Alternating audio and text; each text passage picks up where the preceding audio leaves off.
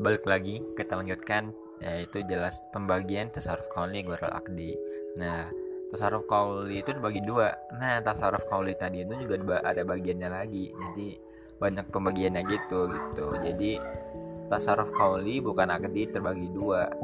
Yaitu merupakan pernyataan pengadaan suatu hak atau mencabut suatu hak dan tidak menyatakan satu kehendak. Tapi dia mewujudkan tuntutan-tuntutan hak gitu. Jadi seperti itu yang untuk tasaruf kauli bukan akdi